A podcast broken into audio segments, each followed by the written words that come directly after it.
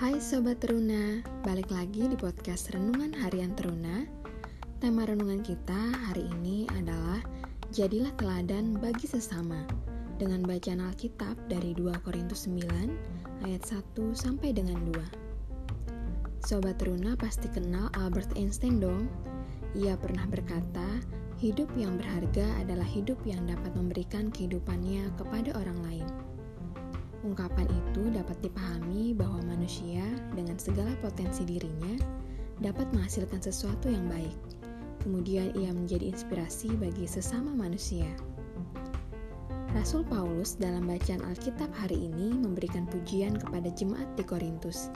Ia memuji segala kebaikan yang telah mereka lakukan, seperti melayani sesama dalam kehidupan persekutuan jemaat Rasul Paulus juga menyatakan bahwa segala pekerjaan jemaat telah menjadi perangsang bagi banyak orang. Apa artinya itu?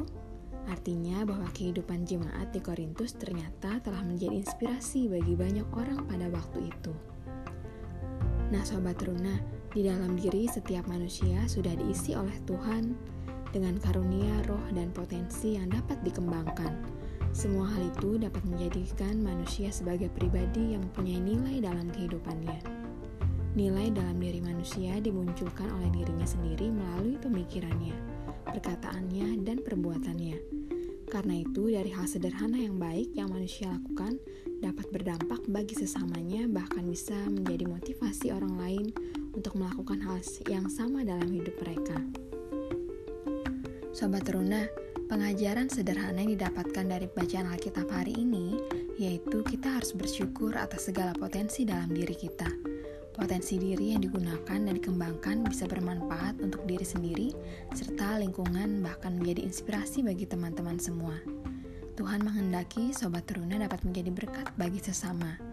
Misalnya melakukan banyak kebaikan dengan kerelaan hati, rajin beribadah kepada Tuhan dalam sikap hidup yang selalu bersyukur, serta menjadi teladan bagi sesama demi kemuliaan nama Tuhan. Tuhan Yesus memberkati. thank you